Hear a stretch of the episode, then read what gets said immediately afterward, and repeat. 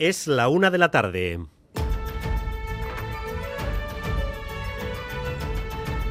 Crónica de Euskadi con Dani Álvarez. A Rachaldeón, Cristina Ibarrola consume sus últimas horas como alcaldesa de Pamplona antes de que mañana, en un acuerdo inédito, EH Bildu, el PSN, Geroa Bay y Contigo Zurekin lleven de nuevo a la alcaldía a Joseba Asirón. Esa moción va a convertirse en uno de los momentos políticos más tensos de este año que está a punto de terminar. Estará acompañada de concentraciones en la calle y supondrá la quiebra definitiva entre la izquierda y la derecha en Navarra. Vamos a tomarle la temperatura al momento. ¿Qué ambiente hay en estas horas previas? Ollana Arango, Arrachaldeón. A Rachaldeón hay expectación máxima y tensión política en máximo, sobre todo entre UPN y el Partido Socialista de Navarra. Un UPN que mañana perderá la institución más importante en la que gobierna apenas seis meses después de que Cristina Ibarrola se hiciera con la alcaldía de Pamplona. Una alcaldesa que a menos de 24 horas de ese pleno continúa arremetiendo con dureza contra los socialistas a los que les augura la desaparición en las instituciones pamplonesas. El pleno comienza mañana a las 12 del mediodía. Fuera hay convocadas dos concentraciones, una en la Plaza Consistorial para celebrar que comienza un tiempo nuevo y otra en la cercana Plaza de los Burgos con el lema Basta ya de inocentadas. Además, según el Diario de Navarra, UPN ha enviado una nota interna a sus afiliados para que acudan mañana a la plaza del ayuntamiento a las 12 del mediodía. Esa moción cuenta con el visto bueno de Pedro Sánchez, que hoy va a hacer balance de este año político tras haber aprobado una prórroga a las principales medidas económicas y sociales que entraron en vigor tras la invasión de Ucrania. Miquel Arregui, adelante. Sí, pocas sorpresas se van a mantener la mayoría de las medidas de ese escudo social que ha estado en vigor en el último año y medio. El transporte público seguirá estando bonificado para toda la población. El Estado se hará cargo del 30% del billete y el otro 20% lo seguirán sufragando las comunidades y entidades locales. Además, se mantiene para seis meses el IVA reducido de alimentos básicos, aunque en el caso de la luz ese IVA sube hasta el 10%. Pedro Sánchez iba a comparecer a las 12 del mediodía, pero la rueda de prensa se retrasa. Se espera que salga aquí en Moncloa en unos pocos minutos. Esas medidas económicas se van a prolongar, pero tendrán modificaciones. El PNV ha pactado con el Gobierno la extensión del contrato relevo y modificaciones al impuesto especial a las energéticas.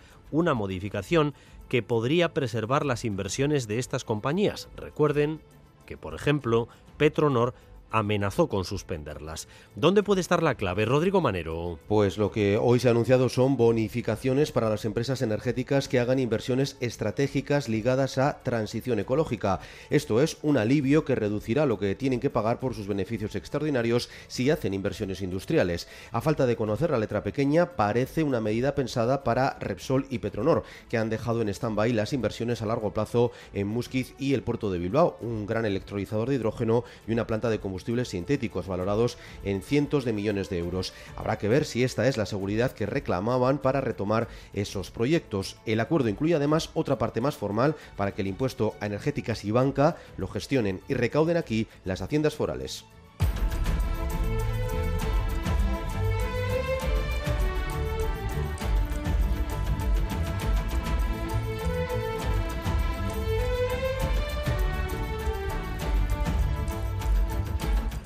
Un cóctel de virus respiratorios motiva estos días que hayan aumentado notablemente las bajas laborales y también las consultas en los ambulatorios.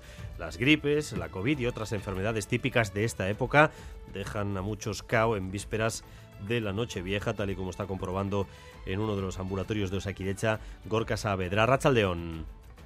A Racha León sí, a la espera de la publicación de los datos oficiales, el gobierno vasco ya ha confirmado ese repunte de los contagios por virus respiratorios. Los tres que más problemas están dando, la gripe, la COVID y el VRS, virus este último causante de la bronquiolitis. En cualquier caso, la consejera de Salud, Gochones Agardui, ha restado importancia a los contagios y los ha introducido dentro de lo normal en esta época. Además, ha dejado claro que no hay que alertarse por los centros de salud donde de momento dice no hay saturación.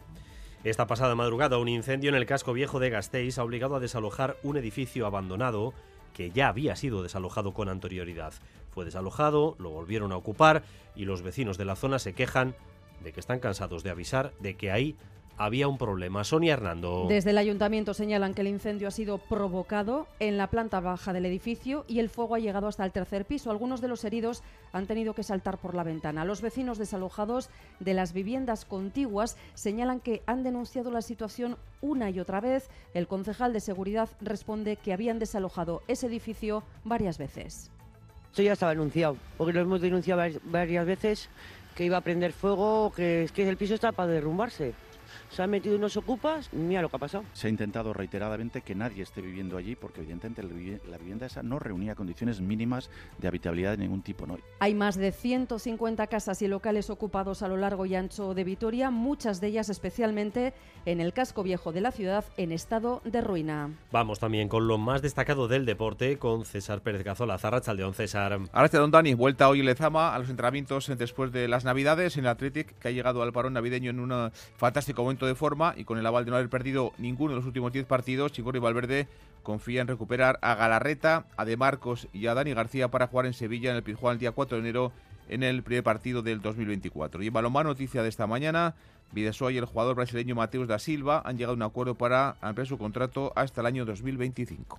En cuanto al tráfico, densidad a estas horas en Trápaga, en la A8, sentido Bilbao, por un choque entre dos vehículos que se ha producido un poco antes del Max Center. En ese accidente, dos personas han resultado heridas, los coches han sido ya retirados, pero continúa habiendo eh, tráfico denso en toda esa zona de eh, Trápaga en la A8 sentido Bilbao. En cuanto al tiempo, seguimos sin demasiados cambios. Nos esperan unas próximas horas soleadas aunque con la presencia de nubes altas. El viento será del sur, más intenso hacia el norte del país, con rachas fuertes incluso en zonas expuestas. Debido a ese viento del sur y del aumento de la nubosidad, las temperaturas hoy eh, están ascendiendo con claridad. De hecho, tenemos 17 grados en Donostia a estas horas, 16 en Bilbao, 14 en Bayona y hacia el interior tan solo 6 en Iruña y 5 grados de temperatura en Vitoria-Gasteiz. Gracias un día más por elegir Radio Euskadi y Radio Vitoria para informarse. Yayone Menjón y Maitane Bujedo se encargan de la dirección técnica y Manol Manterola de la coordinación. Este jueves en Pamplona... Moción de censura contra la alcaldesa Cristina Ibarrola. No lo vamos a perdonar. Despliegue especial en Radio Euskadi para seguir un día de máxima tensión política. Todo es mentira y es una política machista. Y José Girón es un machista. Que son escoria. Que no incendie la calle. Queremos ser un gobierno de poco ruido y de muchas nueces. Boulevard especial con Xavier García Ramsden y desde las 12 especial informativo para retransmitir el pleno. Les da igual lo que voten los ciudadanos y ciudadanas. A ningún socialista alemán se le ocurre darle la alcaldía de un municipio alemán a un partido nazi. Aquellos que reprochan esta moción de censura, lo que tienen que hacer es hacérselo ver. Moción de censura en Iruña, seguimiento especial en Radio Euskadi este jueves desde primera hora.